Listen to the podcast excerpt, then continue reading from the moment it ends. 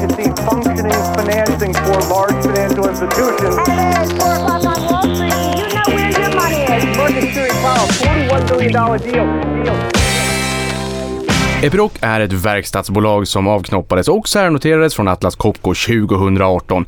Namnet betyder vid eller på berg och skvallrar om vad de arbetar med, nämligen borriggar, bergbrytnings och anläggningsutrustning samt verktyg för ovanjords och underjordsapplikationer.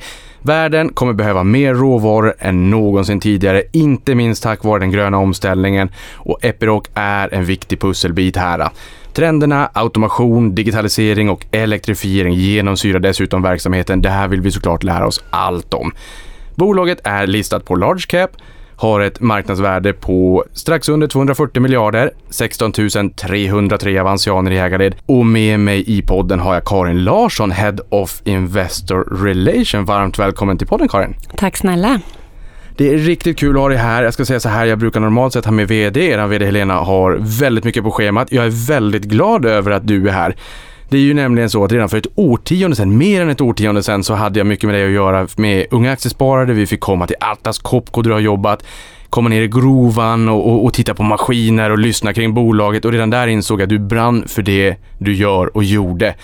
Så jag är riktigt glad att ha dig här i, i podden. Men vi börjar från början för de som inte känner till dig. Vem är Karin? Jag heter alltså Karin Larsson och jag tar hand om investerarna på Epiroc. Jag är en nyfiken och glad tvåbarnsmor och jag har alltså äran att representera ett av världens finaste industribolag. Eh, och du nämnde Helena, vår VD, lite snabbt och jag kan säga att hon hade gärna varit här. Men efter två år av pandemi och kunder i runt 150 länder globalt så är det faktiskt så att kunderna går först just nu. Och eh, jag är mer än gärna här och pratar Epiroc idag. Ja, men berätta lite grann om dig också, för jag vet att det började en gång i tiden, du har varit trader, för det här pratade du om redan på den här aktieträffen, jag och min kollega, eller kompis och Johan. Du pratade väldigt mycket om spread trading och olika aktieslag, om ett bolag har ni A och B-aktie och hur det där gick du igång på. Man, man liksom, det, det gick att ta på intresset. Ja, jag brinner för finansbranschen, det stämmer bra. Jag pluggade finans i Linköping och började min karriär nere i Frankfurt kan man säga som aktiemäklare 2006. Good times, jättekul. Sen kom en börskrasch. Mindre roligt och framförallt i en stad där nästan alla jobbar med finans. Och då blev jag trader ett litet tag. 2011 fick jag däremot chansen att flytta hem till Sverige och börja på Atlas Copco. Har även varit ute en sväng eh, på extern training, eh, som vi kallar det. Eh, och då var jag på Ahlsell bland annat, också ett fantastiskt bolag som var på börsen en ganska kort period och sedan avnoterades. Så 2019 kom jag tillbaka till familjen Epiroc eh, och sedan dess är jag en glad medarbetare, en av 17 000 stycken faktiskt. Wow! Och här kan vi ju också säga att Investor är ju Sveriges mest ägda aktie. Tillika Avanzas mest ägda aktie. Så det är ju väldigt många där ute i vårt avlånga land som är direkt eller indirekt aktieägare i Epiroc. Ja, och inte bara Investor AB utan eh, kollar vi på ägarlistan i övrigt så är det ju Alecta, Swedbank, Handelsbanken, SEB. Många av de här stora svenska drakarna äger ju också aktier. Eh, så att jag, jag, skulle nog säga att även om du vill eller inte så har du nog en liten portion av Epiroc i ditt ägande om det är så att du pensionssparar eller annat. Det låter magiskt. Epiroc, mm. vad gör ni för någonting? Ja, vi försöker ju driva transformationen i världen mot eh, grönare gruvbrytning och bygg och anläggning kan man säga. Inom hård bergart, om vi börjar där, det var vi exponerade. Där behöver man alltså borra och spränga eh, alternativt använda hydrauliska tillbehör som liksom, hydrauliska spett för att slå bort berg så att säga. Hård material. För att få bort det så gör, behöver man maskiner. Och vi gör väldigt, väldigt bra borriggar som du sa, lastare och truckar för nyttjande då för gruvor eller bygg och anläggning. 77 procent av våra kunder återfinns inom gruvnäringen och eh, resterande då inom bygg och anläggning. Och där är vi starka inom tunnelbygge bland annat. Så att eh, ni som bor i Nacka, ni hör sprängningar varje dag kanske och det är ju för att tunnelbanan byggs och det är väldigt mycket gula maskiner där nere och det är Epirocs maskiner. Magiskt. Men då måste jag ju ändå fråga, jag som då inte bor i Nacka, jag bor ute på Lidingö och för ett antal år sedan, nu kommer jag inte ihåg när det var, så färdigställdes ju den norra länken. Mm. Hade ni ett finger med i spelet där också? Ja, och Förbifart Stockholm också. Eh, vi är väldigt glada över att eh, just inom infrastruktur så har vi en, en stark position och anledningen kan nog vara våra borriggar. Vi har ju då en borrig som kallas Boomer. Eh, den kan ha två armar om du vill göra en liten tunnel, vilket du ofta vill ha inom gruvnäringen. Och inom infrastruktur kan den ha upp till fem armar, en stor borrig med, med många fina armar. Så det är väldigt spännande produkter och nu pratar vi väldigt mycket just våra borriggar här och det är nog faktiskt så att i världen i hård bergart så har Epiroc den absolut största installerade basen av borriggar. Okej. Eh, Och det är eh, utan tvekan så. Men då måste man ju vän av ordning fråga, vad är mjuk bergart då? Ja, då kan du använda mer grävmaskiner och lastare och så att säga skrapa på ytan. Eh, inom den hårda bergarten där vi då har exponeringar är mycket koppar, guld, järnmalm. Eh, och mjuk bergart skulle kunna vara sånt som till exempel eh, ja, dels stenbrott men även om du tänker dig eh, kol, vilket vi inte vill vara särskilt exponerade mot och är inte heller som tur är. Eh, Men även de här nya mineralerna om vi pratar om dem. Koppar och nickel behövs ju mycket av och det är hårt, eh, finns i hårda bergmaterial. Sen finns det ju bland annat eh, ja, mer konfliktmineraler och de finns nog oftare i mjuk bergart. Så peppar, peppar så använder man vår utrustning i huvudsak i hårda material och formationer. Ja, okej, för vi kommer att komma in mer på hållbarhet längre fram i podden, men, men det innebär ju att ehm, att det kanske är så att den kundgruppen ni har som jobbar inom med hård bergart då, att andelen konfliktmineraler är mindre bland era kunder än, än ute i stort där ute i världen. Det skulle jag absolut säga. ja. Okej. Mm. Nu pratar du ju här om Boomer M20 också, den här borriggen. Jag måste ändå bara fråga, för jag hittar en, hittade ju en, en bild på er hemsida och i årsredovisningen från 2021 när ni pratar om höjdpunkter för året och då ser man en sån här eh, borrigg. Den ser ut att väga väldigt mycket. Den är stor och den väger jättemycket och ni har liksom ställt den här, det är ungefär som att jag skulle stå på, på händerna eh, på en bergstopp. Eh, till att börja med, är, är det här liksom en verklig bild? Det här, är, det här är bland det fräckaste jag någonsin har sett. Ja, det är en verklig bild. Det är en Boomer M20.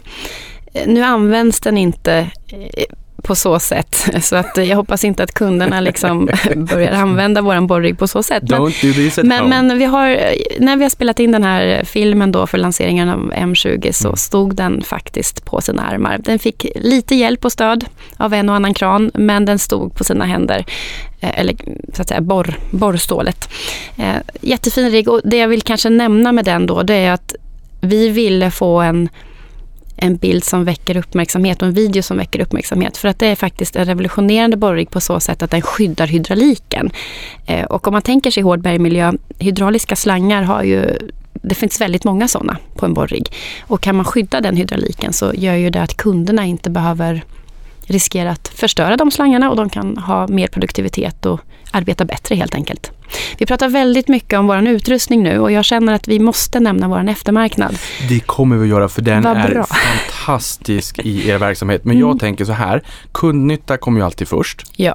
Men när man skyddar hydrauliken och slangar och så, så innebär det att det inte går sönder lika mycket. Mm. Eh, kompenserar man det faktum att man inte säljer lika mycket eh, av det som går sönder då i eftermarknaden med att man tar en lite högre prislapp för maskinen från, från början så att säga? Det stämmer bra. Eh, all form av nytta som vi kan ge våra kunder, den försöker vi också ta betalt för. Eh, och i det här fallet är det så att om du kan borra mer och längre och inte ha många avbrott, då kanske du också köper mer borrkronor och borrstål till exempel. Så att det, det kan finnas en vinst för oss på, på, på dubbla håll så att säga. Dels ge kunden mer produktivitet men också kunna sälja mer borrstål. Du kan ge dig tusan på att vi kommer att prata väldigt, väldigt mycket eftermarknad strax. För det är ju något som verkligen genomsyrar Epiroc. Mm. Ni avknoppades och särnoterades som sagt från Atlas Copco 2018. Första handelsdagen var 18 juni 2018. Sedan dess har ni ungefär dubblats i, i börsvärde då. Ni bröt er loss för den som har, har lite torr humor. Men er verksamhet startade ju mycket, mycket, mycket tidigare. Mhm. Det stämmer bra det också. Vi är då en avknoppning från Atlas Copco och de firar 150 år i år. Så det gör ju vi också. Men man kan också säga att vi firar fem år. Skillnaden på oss skulle jag säga att vi vi är ett väldigt dynamiskt och snabbfotat företag. Ehm, därmed inte sagt att Atlas Copco inte är det. Men jag upplever själv att det finns väldigt mycket driv och vilja och stolthet med det nya varumärket. Så att vi ser oss som ett 150-årigt startup-företag faktiskt. Och väldigt mycket innovationsdrivet också. Mm. Ni erbjuder ju utrustning och eftermarknadslösningar till kunder inom utvalda och attraktiva nischer då inom gruvindustrin och infrastruktur som du var in på. Vi har ju pratat här en del om, om borriggarna också. Nu gjorde du det här så förtjänstfullt i början när du pratade om tunneln i Nacka och även Norra länken och sådär. För det är precis det jag ville komma åt här, alltså i verkliga livet när man försöker ta på sig sina börsglasögon. Vart hittar man Epiroc? Och sen är det klart så här, ja, nu sitter jag med en dator som är tillverkad i, jag har en casing i metall och den kanske man har använt i era maskiner när man har tagit fram själva råvaran en gång i tiden så att säga. Men vart är det enklast att se Epiroc i vardagen förutom tunnlarna här då? Fantastiskt bra fråga. Eh, allt som är metall är väl en bra start. Där behövs det någon form av utrustning som hjälper till att få ut metallen. Men sen har vi då hydrauliska tillbehör också. Så åker man förbi eh, en arbetsplats, en byggarbetsplats och ser en ovanjordsborrigg alternativt en grävmaskin som har en gul ett, ett gult hydrauliskt tillbehör. Eh, då skulle det också kunna vara vi till exempel. I Tyskland är vi väldigt stora med hydrauliska tillbehör där man, när man river fastigheter och annat och, och egentligen sortera bort järnmalm och skrot från betong med magneter och, och, och mycket andra intressanta produkter. Så att finns det en, en gul hand på grävmaskinen eh, då är det mycket möjligt att det kan vara Epiroc det också. Här finns det lite branschspecifik lingo också att ha koll på. Eh, inom gruvdrift har vi gruvdrift i dagbrott, mm. gruvdrift under jord och prospektering. Om vi börjar där, berätta vad behöver vi känna till här? Prospektering är ju otroligt spännande på så sätt att man, man, kan egentligen borra både på helt nya platser eller i anslutning till befintliga gruvor för att hitta fyndigheter, mineraler. Och det är ju faktiskt så att det kommer inte finnas tillräckligt med koppar i världen 2030, tror vi i varje fall, om det inte startas upp mer gruvor. Så prospektering handlar ju om att ha en, en borrig som borrar eh, och ehm, eh, borr borrkronor och annat som kan ge dig den här borrkärnan som du kan analysera för att se var du har dina fyndigheter. Och 2022 så var ungefär 5% skulle jag säga av våra intäkter relaterade till prospektering. Och sen har vi här som sagt då, dagbrott och under jord. Ehm, om vi börjar med dagbrott. Det här är ju ett ord som eh, många har hört talas om. Mm. jag vet inte om man skulle erkänna att man inte har stenkoll. Mm. Det, eftersom att det andra är under jord så känns det som att det här är ju ovan jord. Du behöver inte ha stenkoll. Jag, jag ska försöka hjälpa dig. Jo, men under jord, då är det som sagt tunnlar. Det kan vara eh, för infrastrukturprojekt i, eh, ja det kan vara Kina, det kan vara Europa, det kan vara USA, det kan vara runt om i världen, men i huvudsak är det de marknaderna vi är verksamma. När det gäller underjord gruvor, då kan det vara precis överallt i hela världen. Eh, otroligt spännande. Eh, och i dagbrott, och där vill jag säga det är ju, det kan ju vara att man eh, bryter sten, alternativt bara vill få bort sten för att bygga urbanisering, bygga fastigheter, bygga vägar. Eh, så vi finns egentligen där du behöver ta bort hård bergart eller hårda formationer, skulle jag säga. Trendmässigt har ju gruvdrift under jord blivit allt vanligare och här lyfter ni lägre malmhalter, mm. djupare fyndigheter mm. och ökat regulatoriskt tryck. Och vad gäller koppar så sker ju ungefär en fjärdedel av all brytning under jord idag och förväntas uppgå till en tredjedel, alltså man går från 25 till 33 procent då redan 2030. Vad är den främsta drivaren här och hur påverkar det er? Den främsta drivkraften för, för koppar och underjord. Jag, jag, jag ska nog säga så här, jag vill, jag vill nog backa lite där och säga att om vi tittar på våra kunder generellt, oavsett om det nu är koppar, järnmalm eller guld, då, som är de tre stora mineralerna. Från början så är det så att produkten används inte så mycket som man tror. Det kan finnas en nyttjandegrad på 30-40% på våra produkter under jord. Mer än bilen hemma som man bara använder 5% när man ska till mataffären? Det har du rätt i, men betydligt mindre än vanliga industrier, mm. tillverkande industrier till exempel.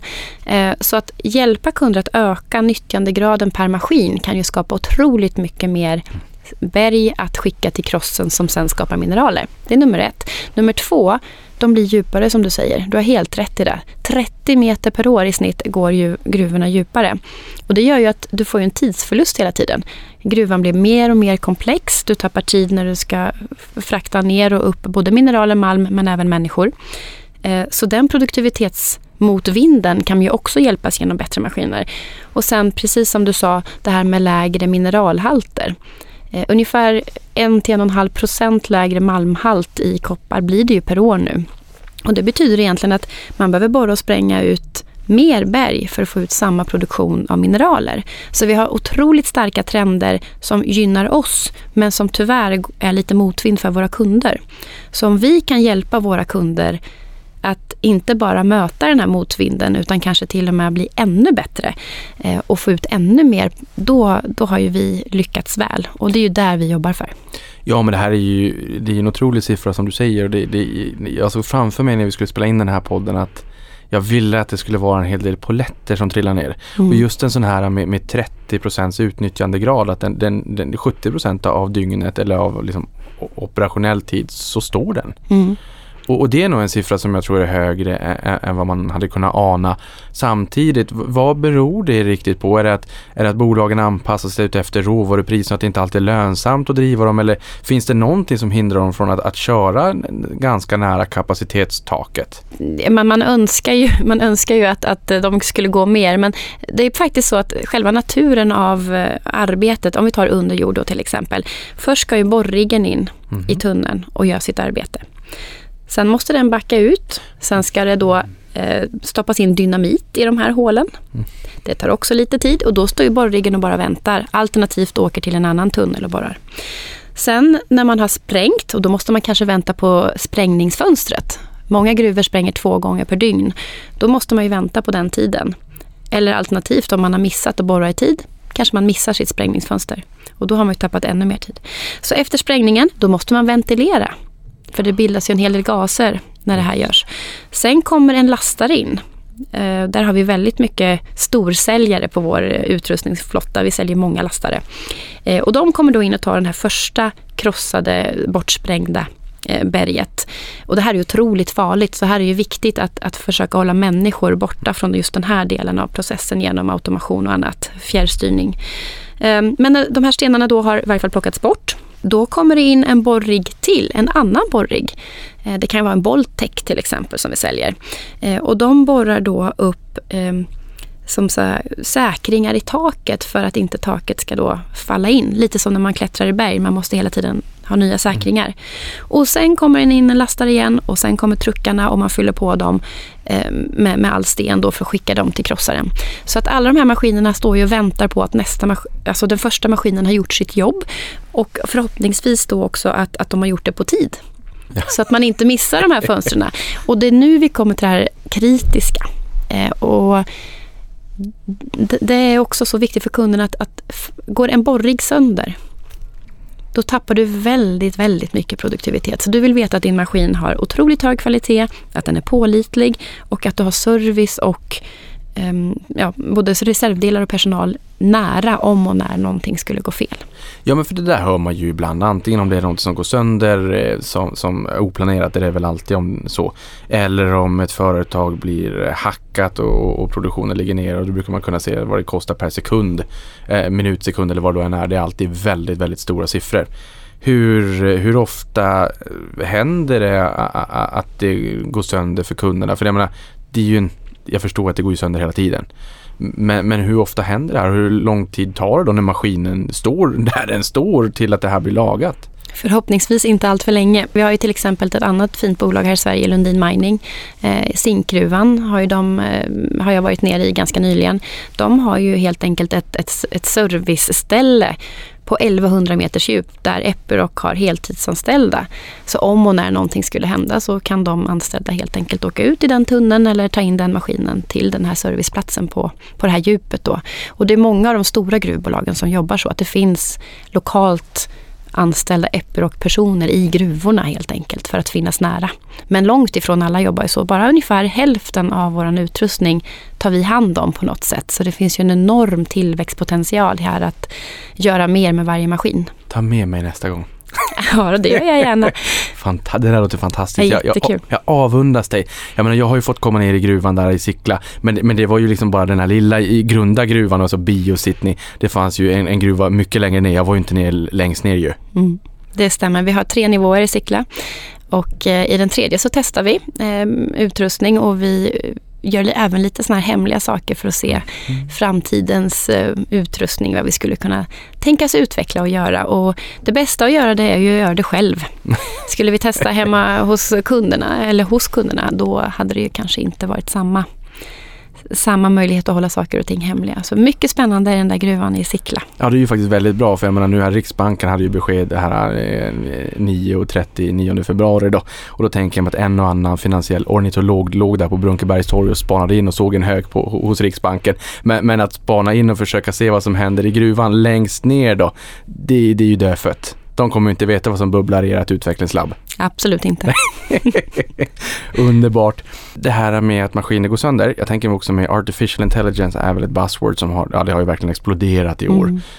Ehm, kan ni använda art- artificiell intelligens kombinerat med telematik för att försöka se när en maskin börjar gå sönder och att man liksom kanske kan börja signalera att nu, nu börjar det vara dags att titta på den här, att man kan vara proaktiv innan det går sönder. Ja, det, jag kanske inte skulle gå långt och säga att eh, AI direkt så, men absolut, vi har runt 7000 maskiner där ute som eh, har möjligheten att kopplas upp. Jag säger inte att alla är uppkopplade, men de, de skulle potentiellt kunna bli det. Och det innebär ju att så fort en servicetekniker har varit vid den maskinen så vet man ju precis hur den har gått, hur många timmar när den behöver behov. Och de kunderna som är mest sofistikerade, de har ju maskiner som går helt själva och de talar ju absolut om vad de behöver och när de behöver det.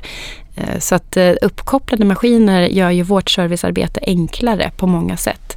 Eh, Otroligt mycket spännande som händer här. Och vi blir också mer effektiva internt. Och det här tror jag inte man ska underskatta. Att förut när en maskin gick sönder till exempel på en väldigt avlägsen plats i Australien. Då kanske en servicetekniker fick resa dit om de inte var på plats då som vissa kunder har. Och det kunde ju ta en dag att resa dit och sen en dag tillbaka. Nu genom att veta var är maskinerna, hur går de, hur många timmar har de gått. Då skulle vi även kunna göra så kallad preventive maintenance, alltså förebyggande serviceåtgärder.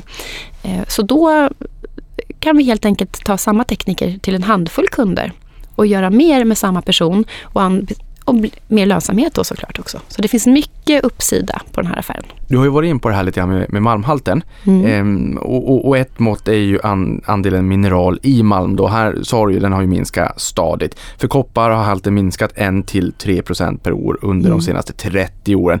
Mer berg måste brytas för att få ut samma mängd producerad mineral. Hur påverkar det här er? Jag menar, det är ju enkelt att tänka sig, ja men då måste man använda maskiner mer och sen så sliter man på det mer och det blir mer eftermarknad och allt sådär. Men är det så enkelt?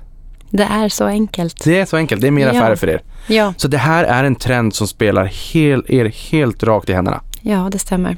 Däremot är ju vi ett väldigt kundinriktat företag. Så vi har gjort en del förvärv inom prospekteringsborrning som digitaliserar analysen av prospektering. Så att vår målbild är ju att kunderna ska kunna designa sina gruvor mer effektivt och därigenom inte behöva spränga bort lika mycket berg för att få ut samma mängd mineral. Så det här är alltså ett exempel där digitaliseringen kan göra kunden, kundens hela gruvflöde mer effektivt. Det skulle i teorin innebära att vi säljer färre maskiner. Både borriggar, lastare och truckar. Men vi skulle skapa så otroligt mycket värde för kunden genom att hjälpa dem redan så tidigt i processen. Eh, så att det finns möjlighet att, eh, få en god lönsamhet där också. Men idag då så jämfört med Epiroc i, i, i framtiden, för nu känns det som att ni har maskinerna ni säljer, ni har lite grann Gillette-metoden också, eller Gillette-modellen. Det är väldigt mycket eftermarknad, vilket vi, Mm. vi kommer att komma in på. När maskinen står där, då behöver den ju underhåll och den behöver ju liksom förbrukningsmaterial etc. Men mjukvarulagret och med, med digitalisering kunna hjälpa kunderna optimera och få ner kostnader, få upp effektivitet och produktivitet. Det här känns ju som ett, ett område som spelar rakt in i framtiden och vart hela samhället är på väg. Kommer det vara en större andel digitala mjukvaror, beslutsstöd jämfört med, med eh, traditionell hårdvara om man nu kan kalla det så, maskiner? Ja, rent intäktsmässigt så kommer ju automation, digitalisering och eh, även då vi lägger till elektrifiering som vi ofta pratar om, de kommer ju bli en allt viktigare del av intäktsströmmarna. Eh, men du är ju helt rätt på bollen. Det handlar ju om att om varje maskin kan bara bli något bättre så är det bättre för produktiviteten. Och jag tycker jag vill också nämna här hållbarheten. Vi har exempel som visar att våra ovanjordsborriggar, de här stora pit vipers, eh, riktigt stora framgångsrika eh, ovanjordsborriggar, eh, de kan med hjälp av olika nivåer av automation sparas alltså, tänk dig 10% på ett automationsprogram och gör det så bra som möjligt, alltså fullt autonoma, ingen mänsklig inblandning alls. Då kan de spara 30% i kostnader och 30% i koldioxidutsläpp. Och det betyder väldigt mycket för kunder idag också. Så det handlar inte bara om mer borrmeter utan att även minska miljöpåverkan i, i den verksamhet man bedriver. Ja, och förutom att det är bra för världen så är det ju också rent krast bra för bolagen i och med att det blir allt hårdare omvandlingstryck på hållbarhetsredovisning och taxonomi. Den gröna Precis. taxonomin. Ja, det stämmer. Vi på Epiroc har tänkt så här ganska länge. Många borriggar har ju haft bättre och bättre motorer och motorer som kan köras på biodiesel och sådana saker. Eh, och det är klart att nu är batteri då det vi jobbar mycket med också. Men vi kommer inte stänga dörrarna för ett effektivare bruk av andra maskiner heller och titta på andra alternativ till, till drivkrafter här. Eh, men att få våra produkter allt mer effektiva, det, det är ju någonting som ligger oss väldigt varmt om hjärtat. Och det var kul, för bara ett eller två år sedan, det var då de stora gruvbolagen också sa på sina kapitalmarknadsdagar att de ska åta sig att sänka koldioxiden mer i sitt arbete. Eh, och, och, det är ju någonting som är en ganska ny trend som kommer mycket på grund av det du säger, regulatoriska krav och annat. Men det här kommer ju om något gynna bolag som har den inställningen från början att vi ska ha effektiva maskiner ännu mer. Ja men det, är verkligen, det, det måste ju vara fantastiskt för er. Det är jättekul. Jo, men jag tänker att öka upp effektivitet, produktivitet, sänka kostnader. Då är det också money talks plus hela hållbarhetsaspekten. Vi är en ganska liten nisch av gruvbranschen så vi får inte glömma att det finns enormt mycket pengar i gruvbranschen men det kapital som vi siktar in oss på är egentligen ganska litet. Men i den nischen vi verkar så finns det inte särskilt många spelare. Och jag tror att det kanske är dags att, faktiskt nämna vår huvudkonkurrent mm. Sandvik mm. också. För Sandvik och Epiroc har tillsammans absolut eh, ledarskap globalt i brytning av hård bergart. Eh, två jättefina bolag båda två. Eh, och det är många som vill in på den arenan vi är, i den lilla nisch vi är. Eh, men det krävs mycket innovation, det krävs mycket service och närhet. Och sen de här kunderna vi har, de är väldigt lojala. Och säkerhet är ju någonting som är väldigt, väldigt viktigt i gruvnäringen. Så att man kan inte riktigt riskera att ta in nya tillverkare hur som helst. Utan man köper gärna det man vet fungerar och som är tryggt för människor och, och andra så att säga. Så att autonoma resan är också viktig ur, ur det perspektivet att har vi starka marknadsandelar i båda bolagen så kan vi med hjälp av den här teknologin kanske bli ännu starkare och vi kan faktiskt hjälpa, som du sa förut, fler personer att sitta i ett kontor och bara kontrollera eh, att maskinerna gör jobbet istället. Det är en helt ny typ av gruvdrift som som vi måste dels anamma men som jag också tror kommer bli verklighet eh, än snabbare. Alltså det finns redan idag men det kommer bli en allt större del av den vanliga gruvdriften framöver också. Ja, det är superspännande. Jag besökte en av världens största hamnar i Hongkong för några år sedan på en investerarresa och då var det också sådär. Där satt operatörerna i ett kontrollrum eh, och drack en kopp kaffe och managerade ganska många kranar och de lyfte på och lyfte av containrar från de här gigantiska skeppen. Mm. Och så var det inte en gång i tiden. Då satt man ju uppe i kranen i sin ensamhet mm. och inte med kollegorna i kontorslandskapet och hade trevligt tillsammans. Mm. Eh, men här har vi sett en ganska rejäl våg av, automatis av automatisering i och med att då kan man ju också drifta väldigt många kranar samtidigt. Mm. Och det känns lite grann som att det är precis det, det, det också som händer eh, i, i Epiroc från en maskin till, till väldigt många maskiner. Mm. Hur många maskiner kan en duktig operatör eh, övervaka simultant? Det är en jättebra fråga. Däremot vet jag att vi nu jobbar med Roy Hill i Australien mm. i en eh, ovanjordsgruva där de har under två års tid testat sex olika tillverkares maskiner i vårt fullt autonoma system. Så nu pratar vi alltså inte Epiroc-maskiner utan vi förser Roy Hill med systemet automation, fully autonomous. Och sen kör andra Caterpillar och Komatsu. De har kört sex stycken maskiner i två års tid fullt och helt autonomt. Och det har funkat fint. Och nu ska de alltså gå till nästa steg med oss och automatisera 96 stycken olika fordon som inte heller är Epiroc i världens största fullt autonoma eh, gruva. Potentiellt kan det bli så mycket som 300 fordon till och med som involveras i den här flottan. Det här är verkligen eh, toppen av autonom drift eh, inom gruvnäringen. Det kommer bli eh, väldigt intressant att följa det här och potentiellt transformera egentligen hur man bedriver gruvdrift ovan jord. För det är det här kunderna vill. De vill inte ha en leverantör som har ett autonomt system för sina maskiner. För de här maskinerna måste samverka med andras maskiner också för att det ska funka fint i gruvan. Och då menar jag att hur många kan en person bevaka? Ja, om det är fullt autonomt så handlar det väl om att en person ska se till att de här 96 truckarna egentligen sköter sig. Eh, och bara ingripa om och när någonting händer. Herregud. Där har ni ju skapat världens största autonoma gruva som du Mm. sa här. Eh, det här systemet, förklara lite mer bara så att ett blåbär som mig nu förstår här. Det är inte bara era maskiner, ni har ett mjukvarulager som kan Mm. styra väldigt många olika tillverkares maskiner fullt autonomt. Ja. Och det behöver egentligen inte vara så att är ett, någon specifik maskin. Utan det kan vara en Volkswagen pickup som ska köra människor. Det kan vara en Caterpillar truck. Det kan vara eh, en, eh, en, en så att säga Utility vehicle pratar vi ofta om. Det finns ju även nyttofordon i de här gruvorna som har andra typer av eh, arbetsuppgifter. Och alla de här ska kunna samverka fullt autonomt. Eh, och mixed fleet, alltså blandad flotta, inte bara en utrustningsleverantör. Jag tror att det, är där som egentligen nyckeln ligger i. Eh, två år har vi testat och under jord har vi också ett spännande eh, samarbete med ett bolag som heter Newcrest, också i Australien. Där har en produktionsnivå i deras gruva blivit fullt autonom. Det vill säga att, att truckarna lastar på och kör runt och, och gör sitt jobb utan mänsklig involvering också. Och det är den största installationen under jord. Men det, ju, det här är ju väldigt i sin linda just nu så det är väldigt mycket bevisa att vi kan, att vi gör rätt. Eh, Så att vi har väldigt mycket ögon på oss nu men vi är väldigt stolta över hur långt vi har kommit redan. Är det här en av de största grejerna som, som sker i er värld just nu och framåt skulle du säga? Det skulle jag nog säga. Automationen är nog det absolut största. För kan du få bort människor ifrån gruvdrift så kommer du spara väldigt, väldigt många liv i världen. Samtidigt som du kan öka produktiviteten för kunderna. Och vilket kommer vara så kritiskt i en värld där vi behöver allt mer koppar, vi behöver allt mer mineraler för att göra den gröna omställningen.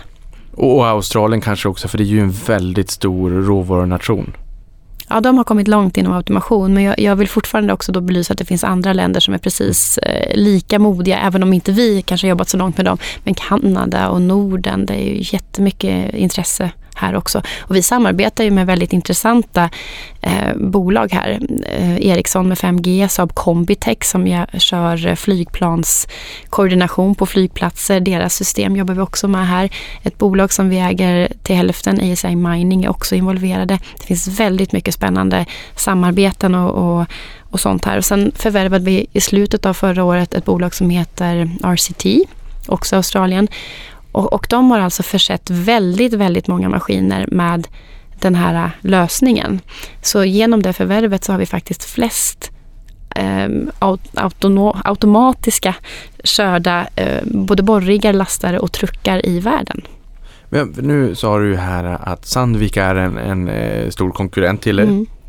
Men det här mjukvarulagret, sy- systemet för, för autonom drift.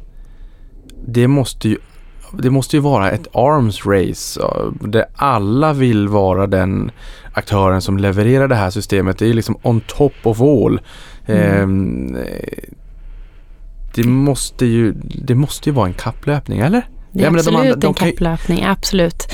alla vill in här och inte bara de som redan fanns i industrin utan även bolag som till exempel, du har ju träffat Ola här från Hexagon väldigt nyligen. Eh, jag vet att de också är väldigt sugna på, på just den här industrin eftersom det finns så mycket att förbättra.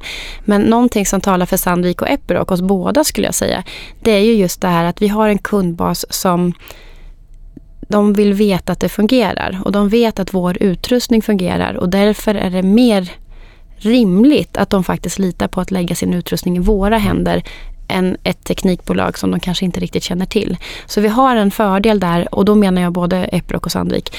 Att, att anamma det här nu, ta, ta tillvara på den här chansen och profilera oss nu som de ledande inom det här. Och jag tror att båda bolagen har gjort en, en väldigt fin utveckling och kommit väldigt långt i det här. Vad finns det för andra konkurrenter där ute då vid sidan av Sandvik och hur skulle du säga att ni särskiljer er?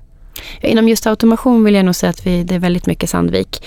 Eh, men pratar vi generellt så har vi ju otroligt mycket konkurrenter. Det beror på vad vi definierar marknaden. Hur långt ska vi gå?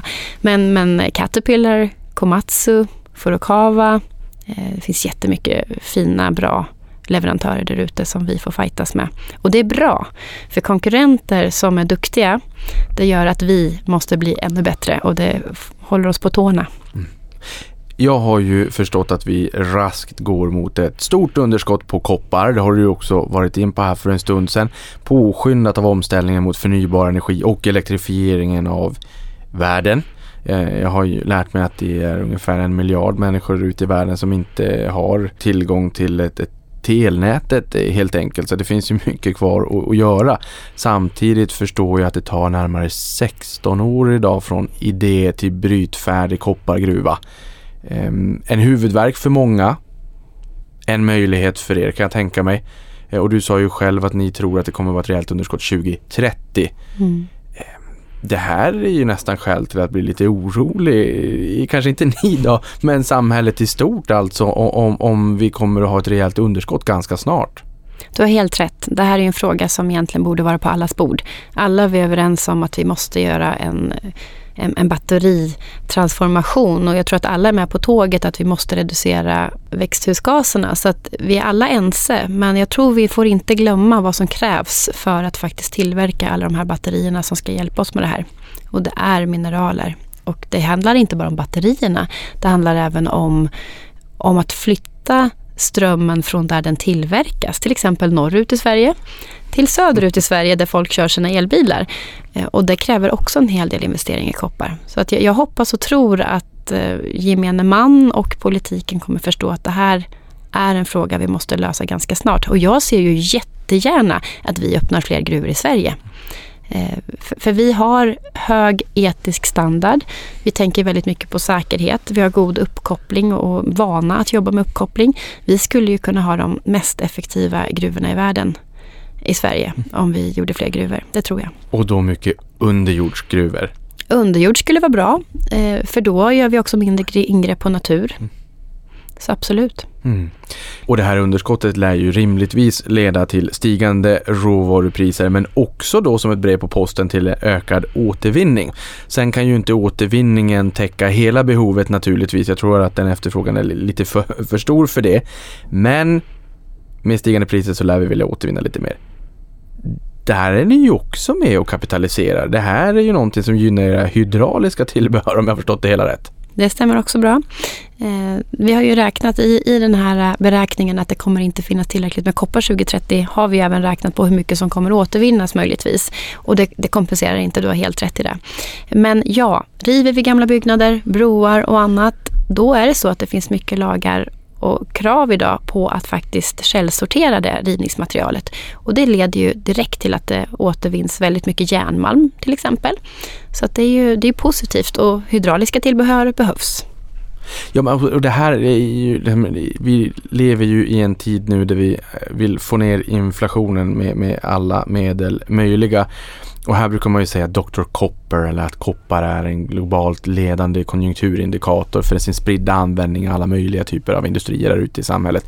Alltså det, här är ju rejält jobbigt om, om vi står i ett läge där, där vi inte har tillräckligt och priserna stiger jättemycket. Här måste det ju finnas tänker jag också möjligheter för er att hjälpa era kunder att öka både effektivitet och produktivitet som vi har pratat om och få öka, jag menar, om halterna sjunker, ja, men på något sätt göra det enklare och billigare för kunderna att få ut mer eh, koppar. Och det måste ni också kunna ta betalt för. Men det här är ju money talks. Money talks. Absolut.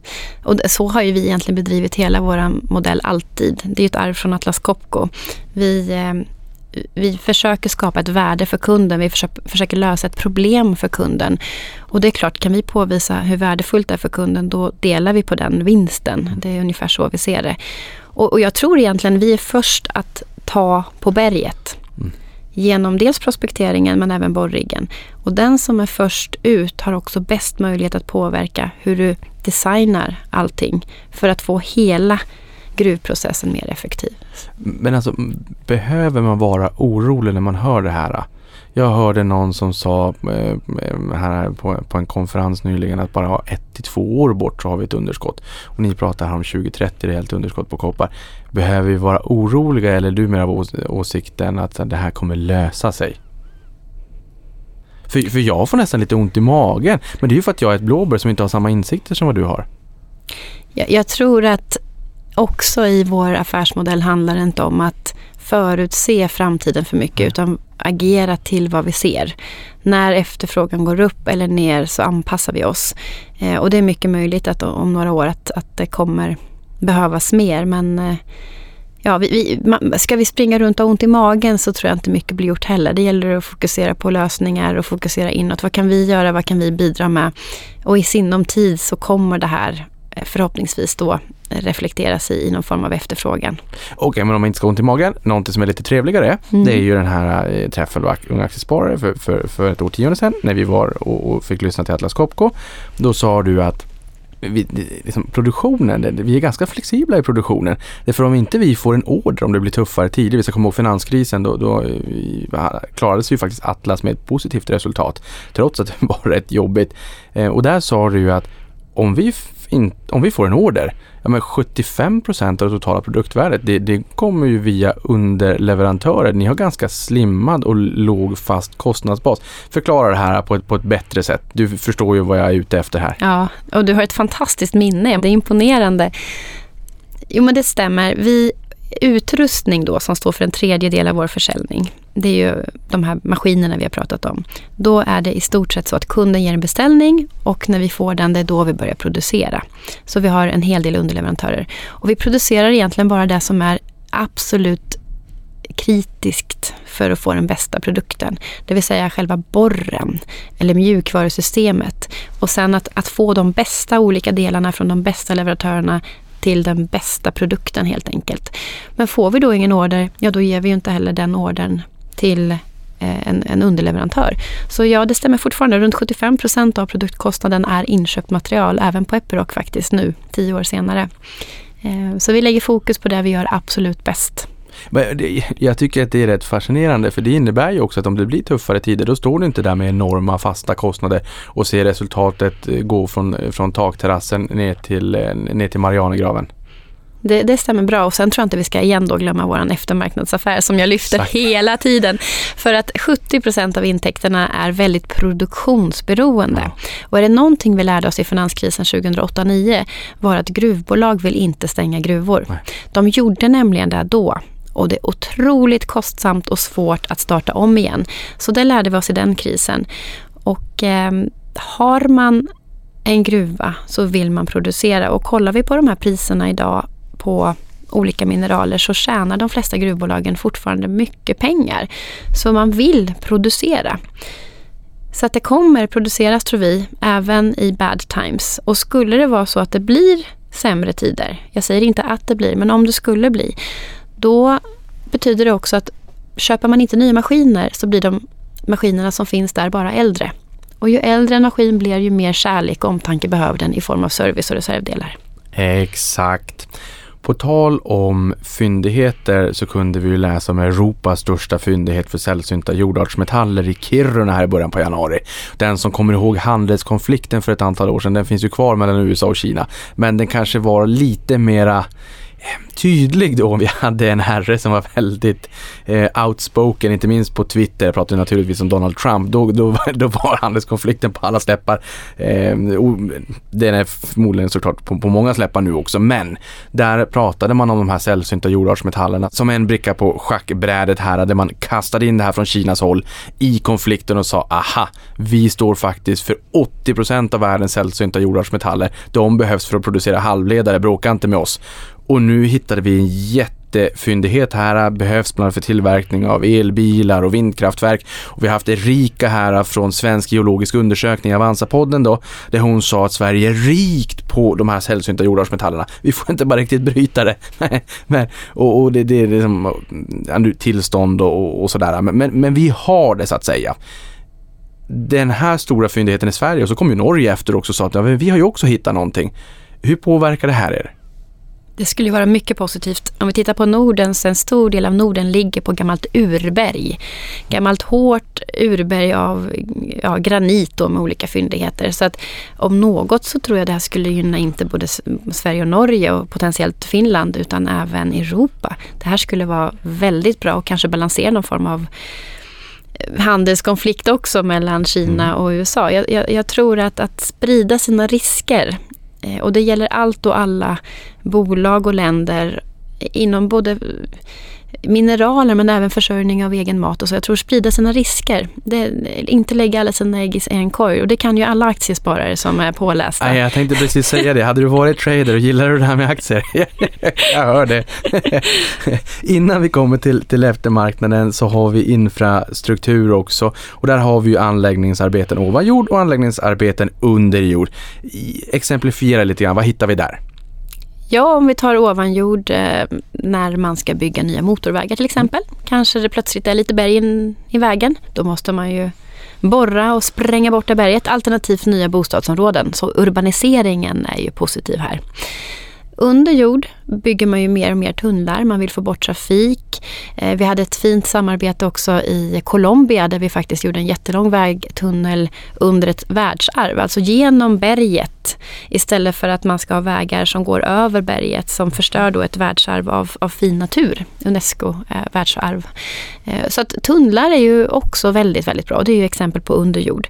Sen får vi då lägga till de här eh, hydrauliska tillbehören som vi har pratat om, där man då använder dem ofta när man eh, river saker i, i stort sett kan man säga. Mm. Nu Karin, utöver gruvdrift och infrastruktur så har vi ju denna fantastiska eftermarknad. Yes. Jag, jag har förstått att du älskar eftermarknad. Det gör jag också. Generellt på börsen så brukar man älska eftermarknad för det brukar vara lite fina, fina marginaler där också. Och som du säger, om man bara står och använder maskinerna, de blir ju äldre, stocken blir bara äldre, det behöver mera kärlek till slut. Måste man byta ut det, men det innebär också att man sliter mera på, på, på det man redan har. Då behövs det lite service och underhåll och reparationer och sådär. Här hittar vi ju service, bergborrverktyg, hydrauliska tillbehör, men även utbildning, bas, batteri, as eller battery as a service. Berätta. Ja, vi har så mycket spännande i vårt eftermarknadserbjudande. Men för att göra det lite enklare att förstå så kanske vi ska börja med att 45 procent av gruppens intäkter är service. Mm. Och inom service där har vi då reservdelar som ofta är eh, Epiroc unika det vill säga om kunden behöver den reservdelen så måste de köpa hos oss. Vi har även alla våra tekniker där, servicetekniker. Vi har runt 7100 servicetekniker vid årets slut 2022. Eh, otroligt välutbildad skara vill jag säga och finns i alla länder. Sen har vi de här spännande sakerna också inom service där vi har då battery as a service men vi har även eh, retrofit solutions eller battery conversions. Så, så i grunden kan jag säga så här, om du vill köpa en batterielektrisk maskin som kund idag. Det är ju jättebra, men du behöver ju också veta hur, hur ska du göra? Hur ska du installera den? Behöver du ändra styrkan av ampere in till din gruva? Hur ska du ladda? När ska du ladda? Så vi har idag infrastrukturen och sen kan vi säga vi kan äga batteriet om du vill, kära kund. Så behöver du inte oroa dig för teknologin utan vi ser till att du har ett fräscht batteri som funkar alltid. Och du betalar oss när du använder det.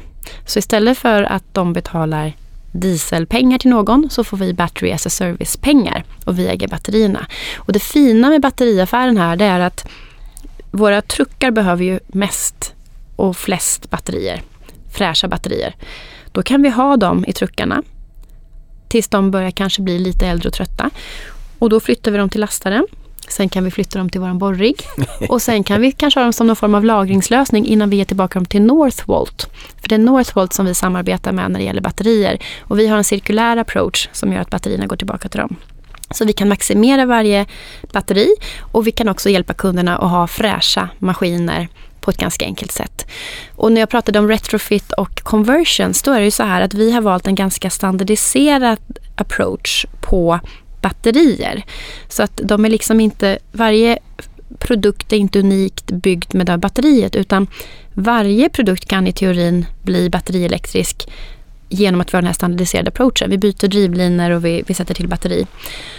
Så att en conversion betyder att en kund kan ringa till oss och säga jag vill göra min, min gamla lastare här, den vill jag göra till batteridriven.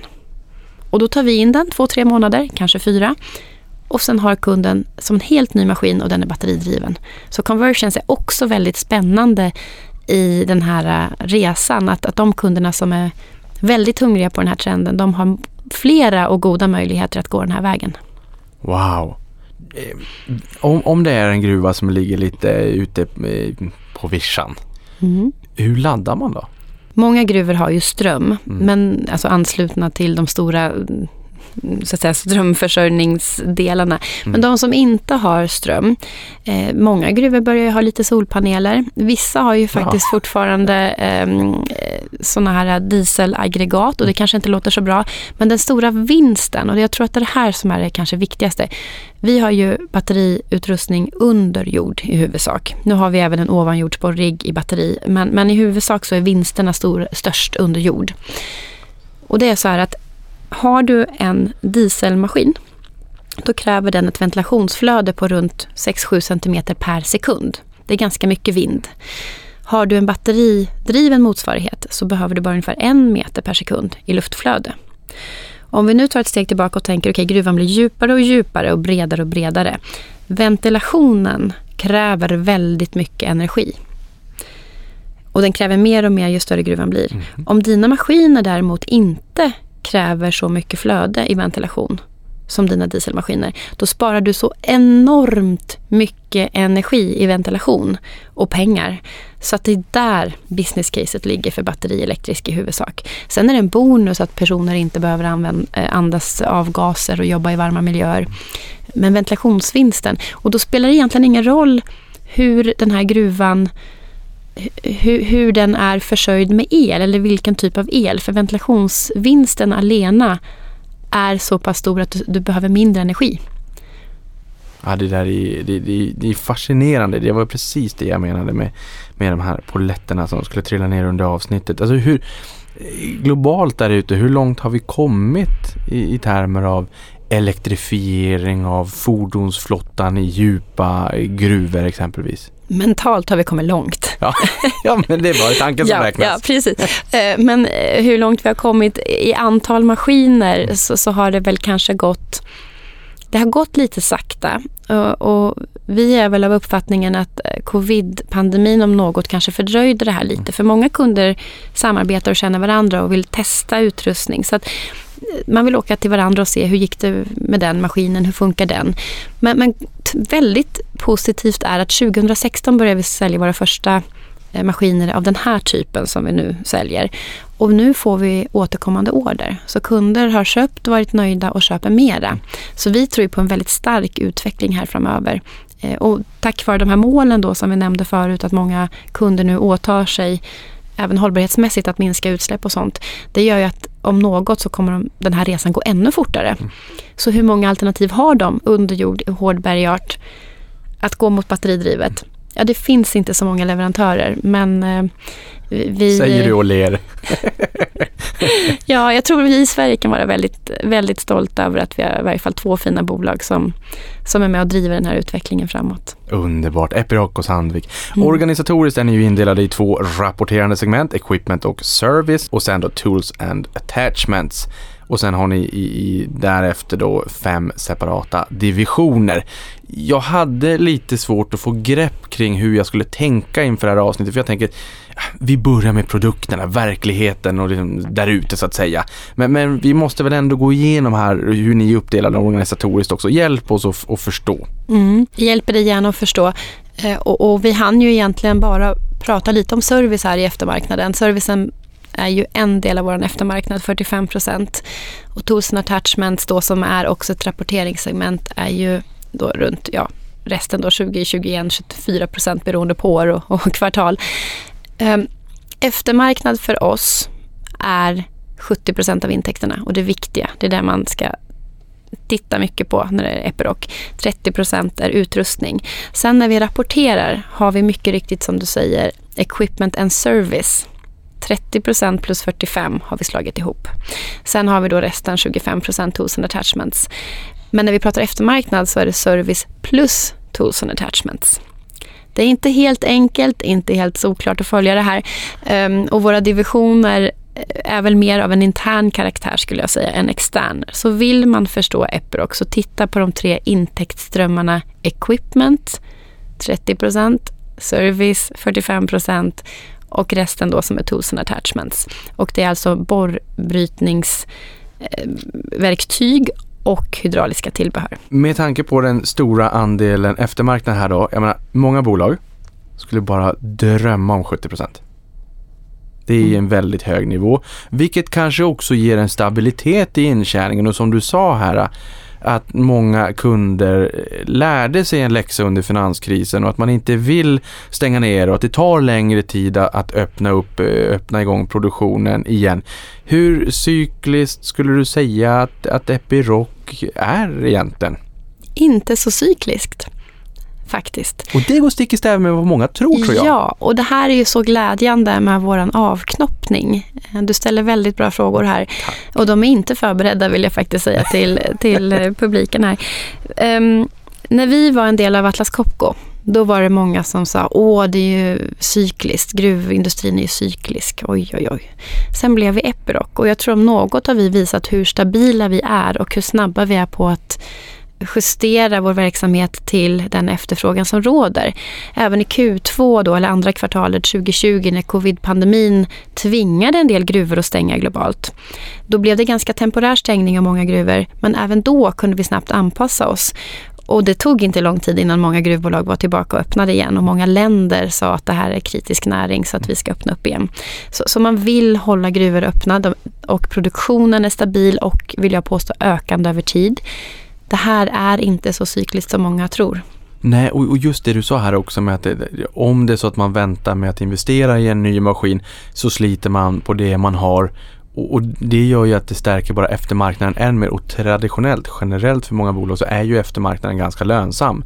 Så att även om man ser så här, ja men nu blir det tuffa tider och ja, men kunderna kommer inte köpa den där extra borriggen. Nej, fast då kanske det blir också mera reparationer, mer service, mera förbrukningsmaterial man, man köper in. Mm, det stämmer helt. Och sen har vi många nya lösningar där vi gör något som kallas midlife upgrade.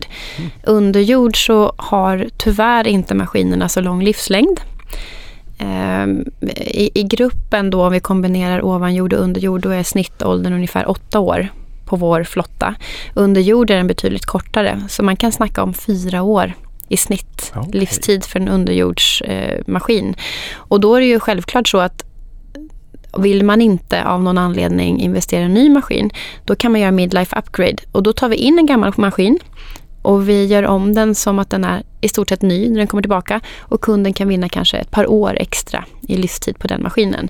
Och nu får vi inte glömma att betalar en kund, säg 10 för en maskin, då kommer under livstiden den här maskinen konsumera reservdelar och eftermarknadsintäkter för oss fem gånger 10, alltså 50. Eh, så, så, att det är egentligen inte själva kostnaden för maskinen som är det stora problemet utan man vill att maskinen ska fungera. Okej. Så hur beroende är ni av investeringsviljan bland era kunder då? Alltså om man sitter och funderar på ska vi köpa den här borriggen eller inte?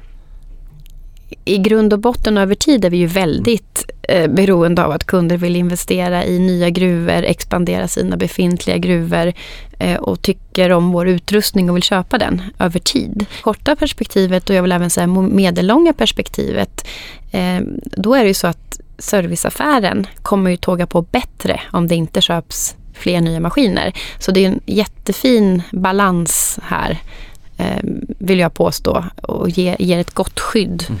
oavsett affärsklimat på grund av den stora eftermarknaden. Och den kan också växa. Eh, jag nämnde lite tidigare att vi tar bara hand om varannan maskin ungefär där ute. Exakt nästa fråga som jag har, för det här blev jag lite förvånad över, för ni sa idag servar vi lite mer än 50% av vår installerade bas av utrustning och andelen ökar kontinuerligt och tack vare förbättrade erbjudanden och interna förbättringar. Men det du säger nu, bara hälften. Vem servar den andra hälften av er installerade bas av era maskiner där ute runt om i världen? Ja, det är ju någon annan. Ja, ja nej men skämt åsido, det kan vara lokala servicepersoner någonstans som jobbar i en mom and pop shop brukar man prata om. Det kan även vara kunden själv som gör det. Eh, ofta är det så också. Så det gäller ju att vårt värdeerbjudande är så pass attraktivt att kunden väljer att hellre ge arbetet till oss istället för att göra det själv. Och här kommer den teknologiska höjden in igen. Ju mer digitalisering, automation, eh, även högvoltsarbete, eh, batteri till exempel, då krävs det en viss typ av utrustning, utbildning, certifiering att jobba med det här. Vilket gör att kunderna kommer i större utsträckning behöva hjälp av oss att ta hand om våra maskiner i framtiden. Så det är ju en underliggande drivkraft till att öka. Mm, och de här underliggande drivkrafterna, drivande trender och det som ni pratar en hel del om det är ju, vilket vi också har pratat här om under podden, automation, digitalisering och elektrifiering och just det här att hjälpa kunder att öka sin produktivitet och effektivitet samtidigt som de sänker sina kostnader och sänker riskerna Eh, och, och för människor, ja. För mm. människor mm. att, att förolyckas eller, eller göra illa sig. Vi pratar om de här fjärrstyrda flottorna, vi pratar om samarbetet i Australien med autonoma mm. gruvor. Det här är ju jättespännande trender naturligtvis. Berätta allt som vi inte redan har varit in på. Då blev det tyst. um, nej men jag, jag, tror inom digitalisering, det är väl där vi inte har pratat ja. så mycket. Vi har pratat om el, eh, mm. vi har fått fram mycket där. Eh, vi har pratat om automation, där vi har pratat väldigt mycket om våra prestigeprojekt. Mm. Eh, digitaliseringen är ju också viktig. Eh, och, och, här pratar vi mycket om att att precis som med automation få ihop alla system till ett system. För att precis som att en gruva har olika leverantörer av maskiner så har ju gruvan olika system. Och beslutsfattandet om du har 40 system blir ju inte så enkelt. Så vi har ju gjort förvärv och vi gör även internt mycket forskning i att hur kan vi få ihop alla gruvsystem till ett system så att kunden får bättre möjlighet att fatta rätt beslut. För det här kan ju öka produktionen ännu mer. Så det är en sak. Och sen de, även de här uppkopplade maskinerna.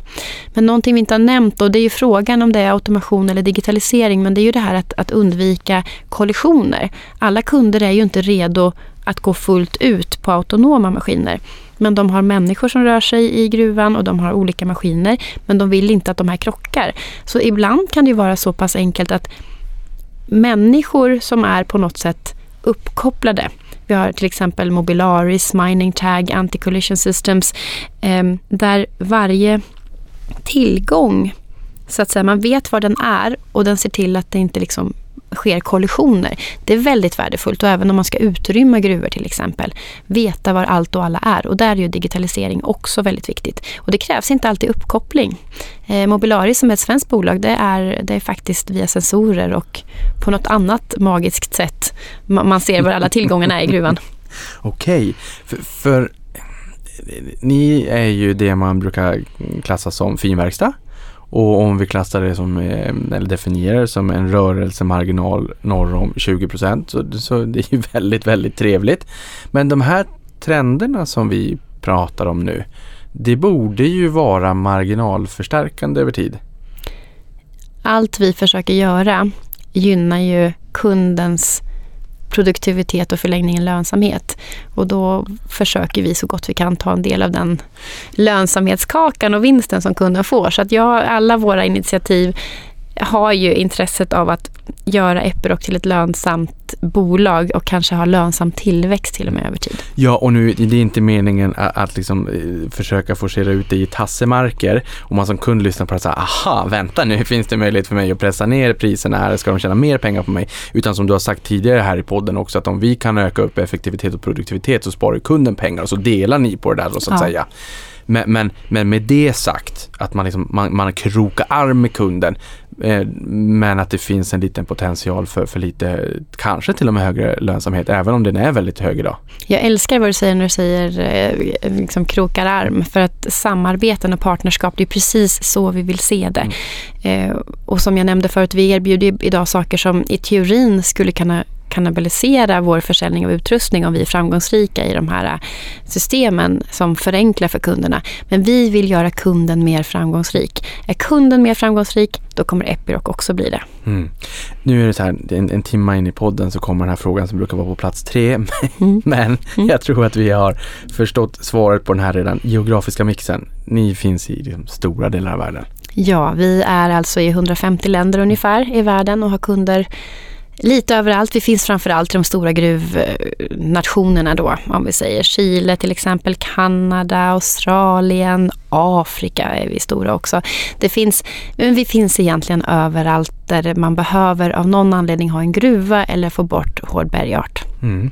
Och här kan jag väl säga att ungefär, jag hittade en kuriosa, ungefär hälften av era intäkter genereras under jord. Och här skrev ni att i en av världens största koppargruvor under jord, El Teniente, Yes. i de chilenska Anderna, som ligger då 2,3 kilometer över havet, så Har vi en service workshop?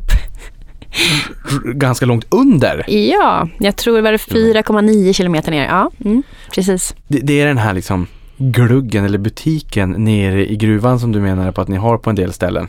Ja, där personer jobbar dygnet runt, alla dagar i veckan, året runt för att finnas nära våra maskiner för att hjälpa till om och när det behövs. Intressant. Sverige var ju världens största kopparexportör på 1600-talet. Chile är ju det i, i, i dagsläget. Jag säger ante mig att ni har kunder där. Hur sker införsäljningen då? Ehm, hur är det liksom försäljning direkt till kund eller, eller går ni via återförsäljare? Och växer ni mest via nya kunder?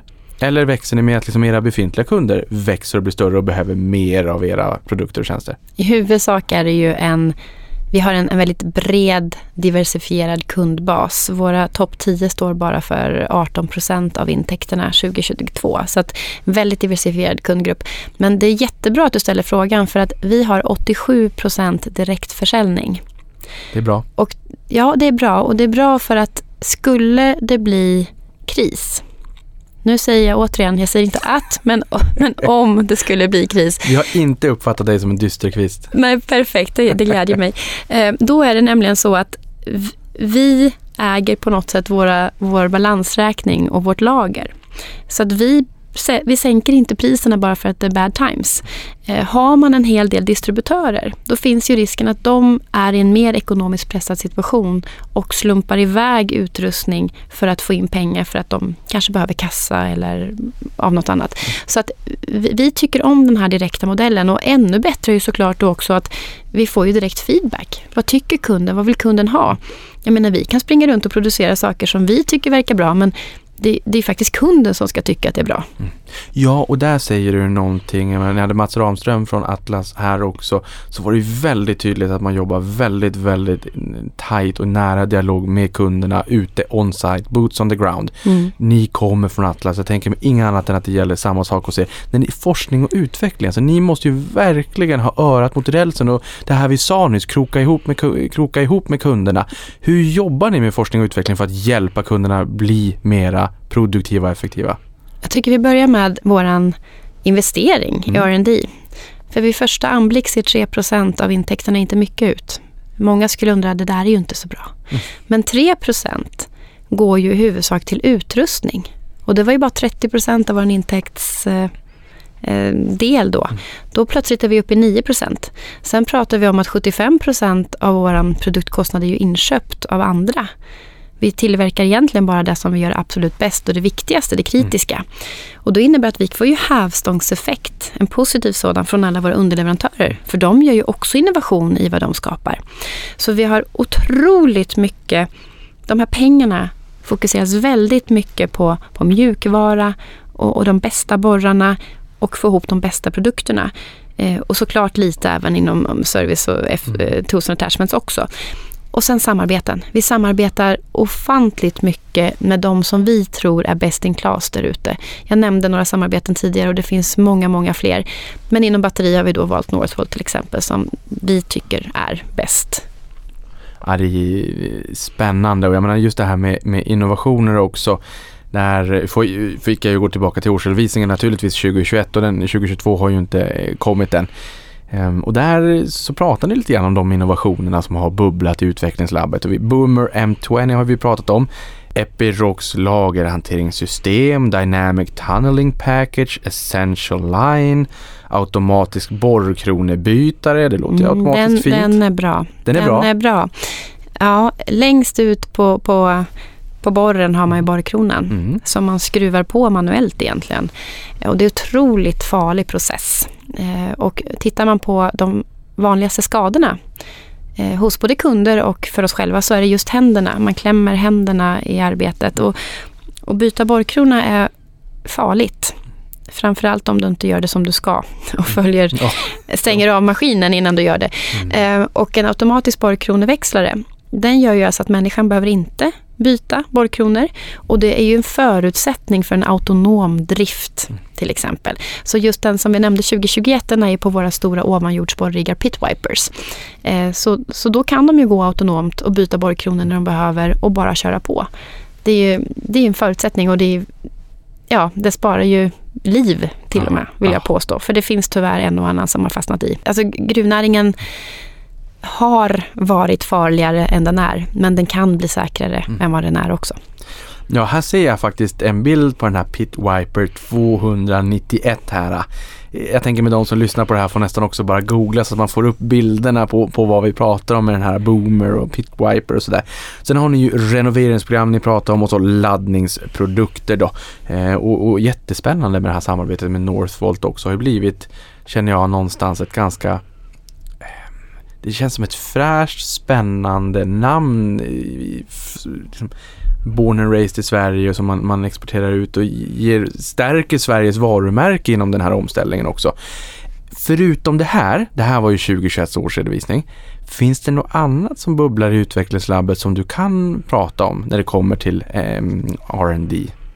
Jag, jag, kan prata om mycket och inget kan jag säga. Nej men självklart är det ju så inom de här trenderna som vi redan har belyst lite.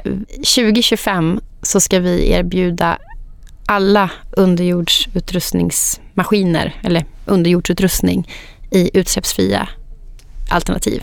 Det vill säga i huvudsak batteri. 2025. Det är snart. Det är snart. Det är väldigt snart. Och 2030 ska vi ha hela produkterbjudandet i maskiner då som är utsläppsfria. 2030. Så vi har ju faktiskt nu i år lanserat, eller på Bauma faktiskt, en byggmässa i eh, Tyskland. I höstas så lanserade vi världens första batterielektriska ovanjordsborrigg också. Så att eh, mycket går ju den vägen. Men även inom automation, eh, system, det här blir ju liksom svårt att ta på. Men vi kommer lansera väldigt mycket mer som gör jag ska inte säga människor överflödiga, men människorna behöver inte vara närvarande i de farliga momenten i gruvprocessen. Om vi säger så. De kan göra någonting annat i, i de här bolagen helt mm. enkelt. Ja, mm. mycket sånt kommer det vara. Mycket sånt. Några andra saker som jag spanade in i årsredovisningen var ju ja, men dels eh, Orica, där utvecklar ni lösningar tillsammans med dem då för halvautomatiska sprängladdningssystem. Mm. Här sa du ju när vi pratade om att maskinerna bara är igång kanske 30 procent mm. av, av, tiden och då tänkte jag, men varför kan man inte komma upp till 100? Och så, nej, mm. de måste ju backa och in mm. med sprängladdningar och sådär. Halvautomatiska sprängladdningssystem. Ja, Orica är ju världsledande i sprängladdningssystem överhuvudtaget. Då har vi helt enkelt tagit en borrig och jobbar med Orica och har gjort en rigg som själv kan ladda dynamit i de här borrhålen.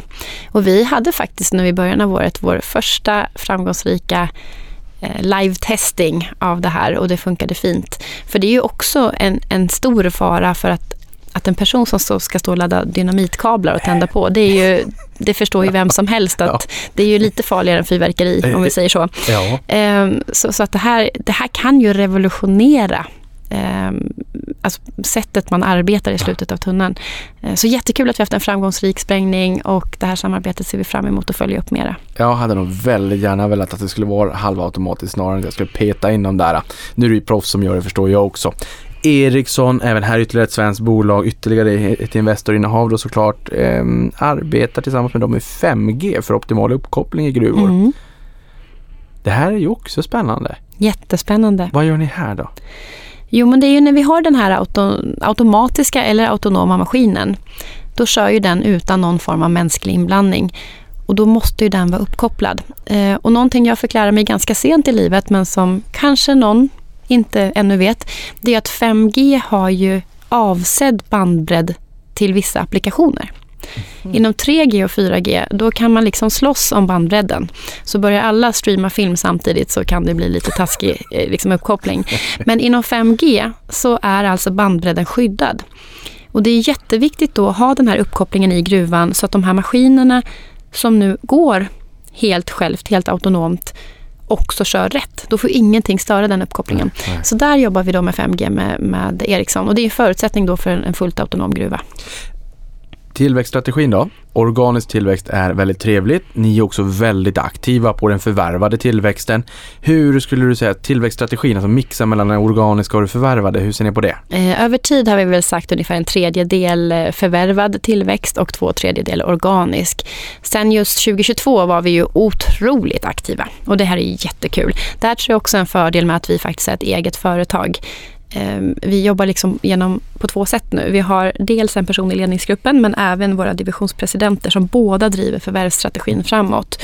Och efter ett par år av covid där vi inte kunde kanske åka runt och besöka våra targets som man säger, eh, så, så har vi nu kunnat göra det 2022 och eh, det har resulterat i många fina affärer. Ja, och när ni förvärvar, för det har jag också noterat att ni, ni har, liksom, eh, ni har inte legat på latsidan. Vad är det som, som lockar eh, mest, skulle du säga? Geografisk breddning, nu finns ni ju över stora delar av världen. Nya produkter, kunder, teknologi, kompetens eller någonting helt annat? Ja, du är ju helt inne på rätt spår. Mycket av det som du säger vill vi ha, men, men eh, framförallt så är det att vi vill vinna hastighet, eller hur ska jag säga, vi vill förkorta tiden från idé till realisering av det här. Eh, och då är vi faktiskt ödmjuka eh, inför att det finns bolag där ute som är fantastiskt duktiga inom till exempel digitalisering eh, där vi skulle kunna bygga samma saker själv men det skulle ta tid. Så genom att förvärva bolaget så får vi ju tillgång till den här kunskapen och sen kan vi, det är två fördelar. Vi kan dels sprida den här kunskapen globalt eftersom vi finns globalt. Och sen så är det så att kunderna, som jag sa igen, de tycker om sina leverantörer.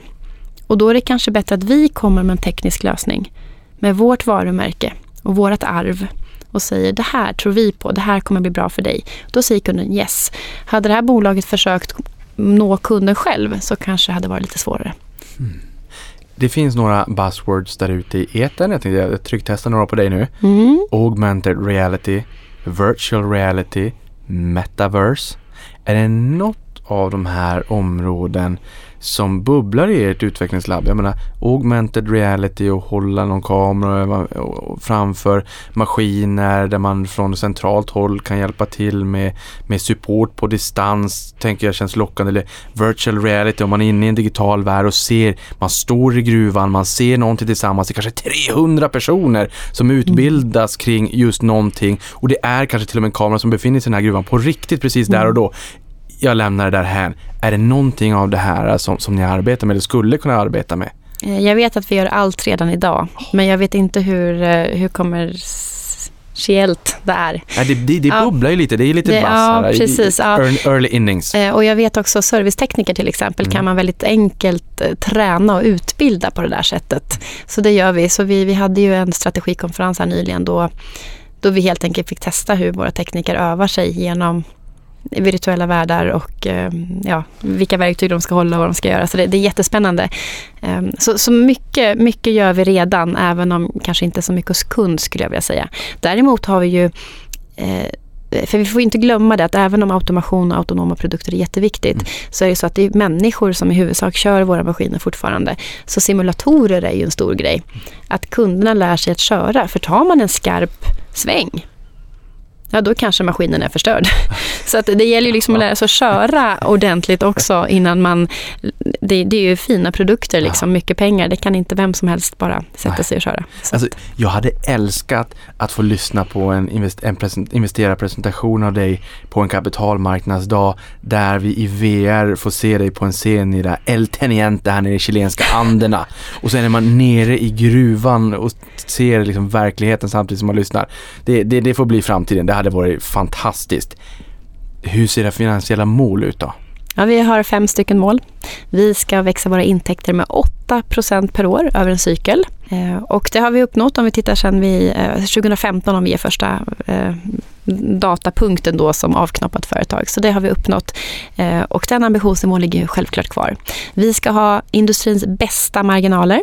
Och när vi pratar marginaler och operativ marginal så pratar vi ebit. Och de som kan sin Warren Buffett, de vet att ebit är ju den högsta kvaliteten. Ja, marginal. ja exakt. Ja, om man lägger till det, det är crap, crap earnings. ja, lite så skulle väl vi säga. Så vi kör ebit. Eh, och vi ska kanske bli bättre på att uttrycka det också. All jag cred. Ja, och sen ska vi ju vara kapitaleffektiva. Och här måste jag väl kanske medge att vi inte har varit så bra. Eh, return on capital employed och även eh, eller avkastning på sysselsatt kapital och även om vi tittar på hur mycket rörelsekapital vi binder så har vi väl inte varit så effektiva senaste åren.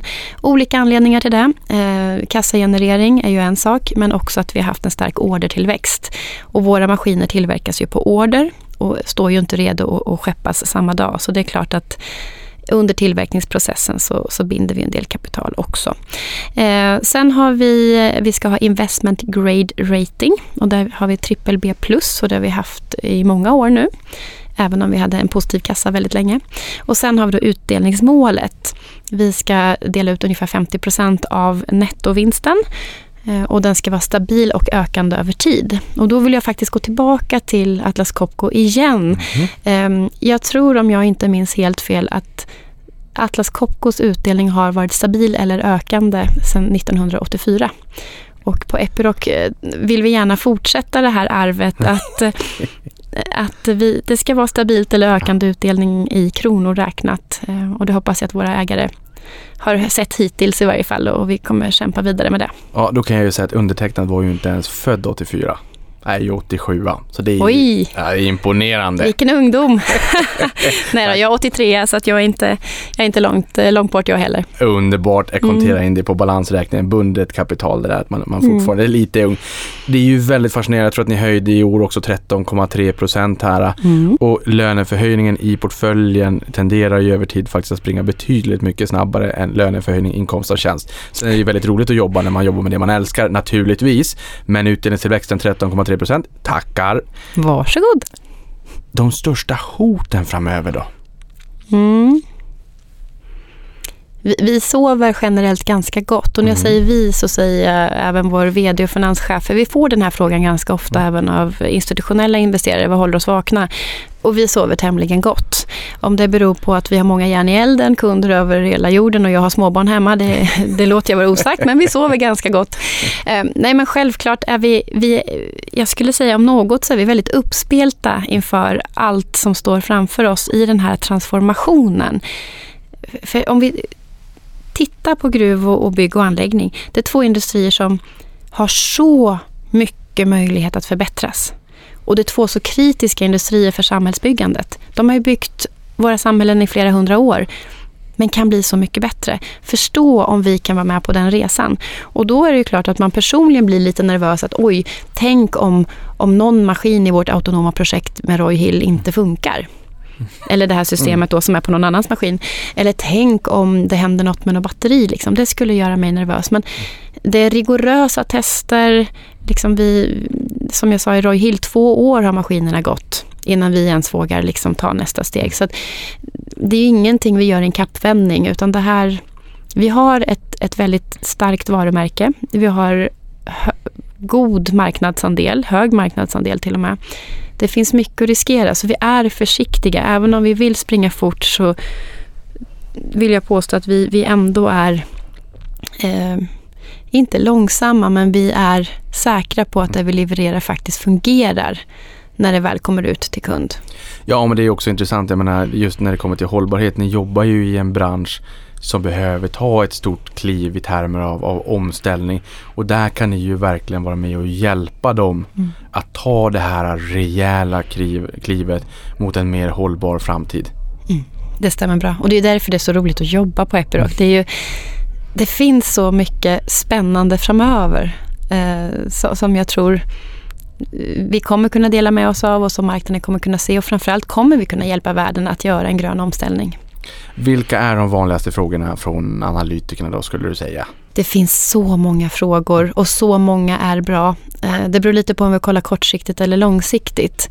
Eh, de frågorna jag uppskattar mest, det är ju de som går liksom beyond kvartalsrapporten. Ja. Eh, och då har vi en del långsiktiga ägare. De frågar ju till exempel vad gör att du vill jobba för Epiroc? Mm. Eh, hur behåller ni er personal glad? Eh, vad har ni för kundhistorier?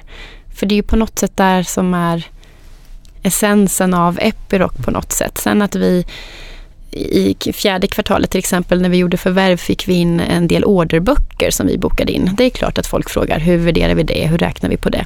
Men, men det, det, är ju finansiella frågor rent. Men, men de som egentligen jag tycker mest om det är de som handlar om kultur och människor. Men, men företagskultur är jätteviktigt. Jag, menar, jag brukar säga ta, ta två bolag, ge dem samma påse pengar från start så kommer en eh, att lyckas betydligt mycket bättre och det är den som har bäst kultur och kunna bibehålla personal och hålla dem nöjda och man, man, man ser humankapitalet i organisationen stiga. Man har ett jäkla namn och ett brinnande engagemang. Det går liksom inte... Kultur är otroligt viktigt. Mm. Hur var det när ni bröt loss från Atlas Copco? För jag tänker med de här människorna och kollegorna jobbade ju redan på Epiroc inom citationstecken då. Fast inom Atlas in, innan ni började handla i egen regi här 18 då. Um, var det var det ett stort kliv att ta? Ni sitter ju ganska nära varandra i samma byggnad. Ja, samma hus. Ja. Var det utmanande för kulturen att liksom dela upp och gå sin egen väg eller vart det mer det här jäkla namnet att man fick förnyad energi och fullt fokus på Epiroc och inte bara Epiroc som en del av en större helhet? Det är precis som du sa nu på slutet. Eh, vad jag erfar så var ju vi, vi var ju ett affärsområde i en decentraliserad organisation. Så, så majoriteten av alla människor var ju redan Epiroc. Men så fort varumärket fanns, färgerna fanns, materialet fanns, då sprang organisationen snabbast de mm. kunde ut till kunderna och det gick jättebra. Kunderna de förstod ganska snabbt att det här är gamla Atlas Copco, det här är Epiroc. Och viljan, ambitionen, glöden vill jag påstå, den blev om något ännu starkare då. Eh, så, så nu hoppas jag att inte jag trampar någon på fötterna, men jag skulle säga att Atlas är en storebror, mm. Epiroc är lillebror. Och storebror har svårare att släppa taget, märker jag ibland, om lillebror, eh, än vad lillebror har. För lillebror springer och har det kul och står på egna ben nu och, och det verkar komma väl an. Magiskt. Ni har ju också en podd som heter Borrmästarpodden. Mm. Vad bjuder den på?